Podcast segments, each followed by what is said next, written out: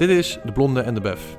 Een tweewekelijkse podcast met alledaags juridisch geneuzel voor ondernemers onder het genot van een biertje.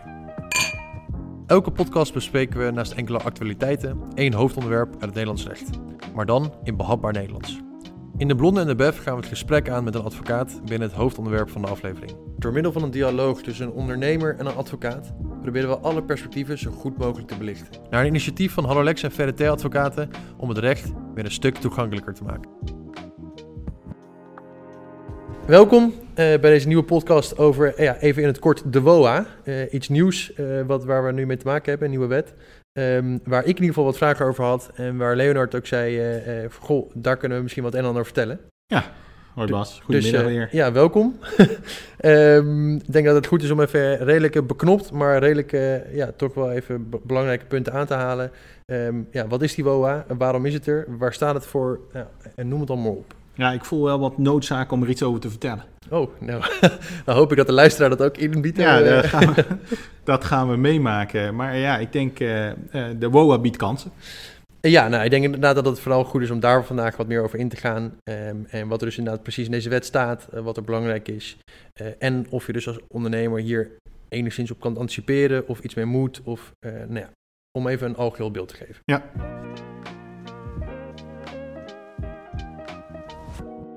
WOA, Top, wet, vertel. homologatie, onderhands akkoord. Ja. Een hele mond vol. En, en wijziging in de faillissementswet. En daar ben ik sowieso wel blij mee, want de faillissementswet is behoorlijk oud. Eh, dus elke wijziging juich ik wel eh, eh, in die zin toe, of elke modernisering juich ik toe. Ja. En deze in het bijzonder. ja, volgens mij is wat, van wat, wat ik van de, de WOA heb meegekregen, is dat ze eigenlijk als, als hoofddoel wilden hebben dat ze eigenlijk, om het zo even te noemen, onnodige faillissementen zoveel mogelijk wilden voorkomen, zeg maar. Ja, dat klopt. Ehm, maar wat, kan er, wat kunnen we dan verstaan onder onnodige faillissementen? faillissementen die eigenlijk voorkomen hadden kunnen worden. En ehm, als je gaat kijken wat zeg maar, voor de WOA de mogelijkheden waren om een faillissement te voorkomen, dan had je de surseance van betaling. Mhm. Daar heeft iedereen denk ik ook wel eens van gehoord, de uitstel van betaling. Ja. Het verschil tussen het aanvragen van een faillissement of het aanvragen van surseance, surseance van betaling is dat een faillissement wordt aangevraagd door de aandeelhouders van een BV. En surseance van betaling wordt aangevraagd door de bestuurder van de BV. En daar zit ook direct wel een beetje een imagoprobleem van die surseance van betaling. Want die werd eh, vaak gebruikt door een bestuurder om uiteindelijk toch naar faillissement toe te gaan op het moment dat je ruzie in de aandeelhouders hebt. En want omdat dus een, een, een eis voor het aanvragen van een faillissement is eh, dat er een aandeelhoudersbesluit ligt. En als die aandeelhouders dan dat besluit niet willen en of kunnen nemen, Is het verstandiger om het dan via te laten gaan?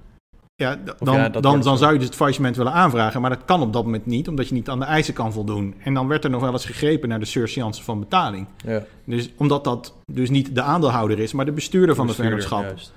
En ehm, dat betekent dat heel veel surseances uiteindelijk de opmaat zijn geweest naar faillissement. Ja. En dat maakt dat eigenlijk, eh, de surseance is eigenlijk een prachtig middel, hè, uitstel van betalen. En je kunt daarin eh, allerlei voorzieningen treffen, waardoor eigenlijk ook die faillissementen, eh, ook een faillissement kan worden voorkomen.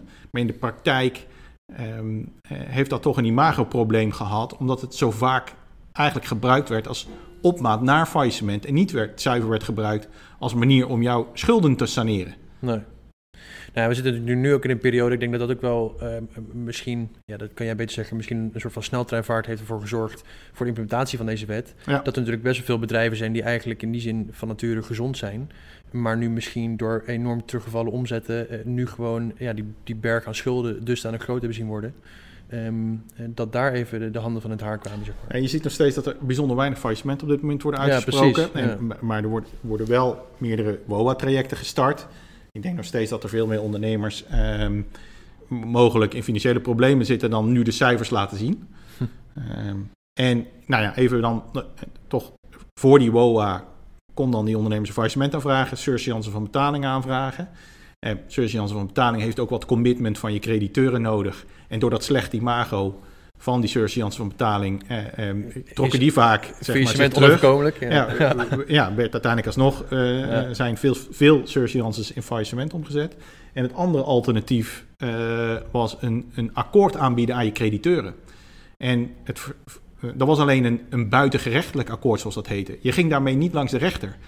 Dat betekent dat je gewoon eigenlijk in overlegging met jouw crediteuren Een betalingsregeling moet ik zeggen. en een betalingsregeling ging treffen. Ja. En dat betekent dat dat, zeg maar, ehm, eh, iedere individuele crediteur kon besluiten of hij daarin meeging, ja of nee. En onder omstandigheden kan een weigerende crediteur wel eh, onrechtmatig handelen. Maar dat is allemaal niet zo heel erg eenvoudig. Er was dus eigenlijk niet echt een heel makkelijk, ja, makkelijk wil ik ook niet zeggen dat de WOA is, maar niet een, een duidelijk middel voorhanden om eh faillissement te voorkomen, toch schulden te saneren en daarna verder te kunnen leven. En Ja. dat is met die WOA nu wel Precies, wat we eh, voorhanden hebben. wat doet die WOA dan nu even heel praktisch gezien? Die, die maakte dus dat eigenlijk dat, dat ouderwetse buitengerechtelijke akkoord nu in rechten wordt vastgesteld. Dat betekent dat jij uiteindelijk via een rechter kan eh, afdwingen dat een bepaald akkoord door jouw crediteuren wordt geaccepteerd. Dus dat ze eigenlijk geen reden meer hebben of niet mogen weigeren zeg maar, voor een bepaalde betalingsregeling. Exact.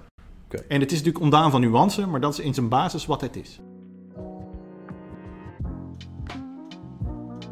Ja, ja. Dus we hebben wel echt een, naast surseance van betalen, het buitengerechtelijk akkoord, dat natuurlijk nog steeds kan, Mhm. eh, het faillissement, hebben we dus nu een extra middel om ehm, in te kunnen zetten op het moment dat een, een, een onderneming in financiële problemen zit. Ja, dus eigenlijk om een crediteur iets meer, ja, ik noem het even druk onder te zetten van, goh luister, er moet ook wel wettelijk hieraan worden voldaan.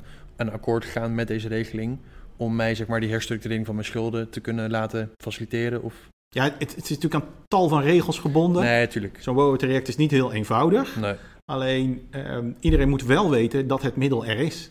Ja. En ehm, eh, er is in eerste instantie gedacht, omdat het aan nogal wat regels moet voldoen, dat het met name een middel is voor hele grote bedrijven.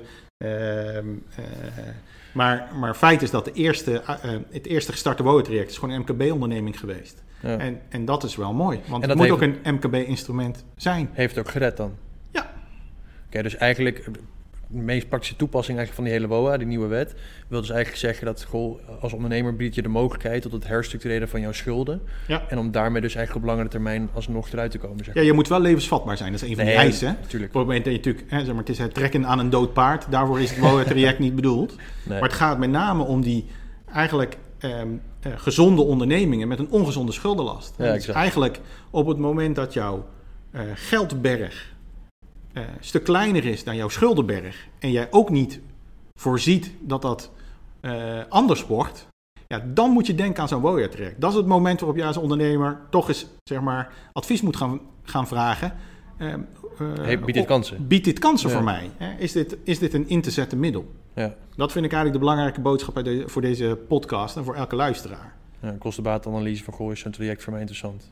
Tuurlijk. En nogmaals, het is ontdaan van nuance, maar dat is wel de, de, de belangrijkste toets die jij...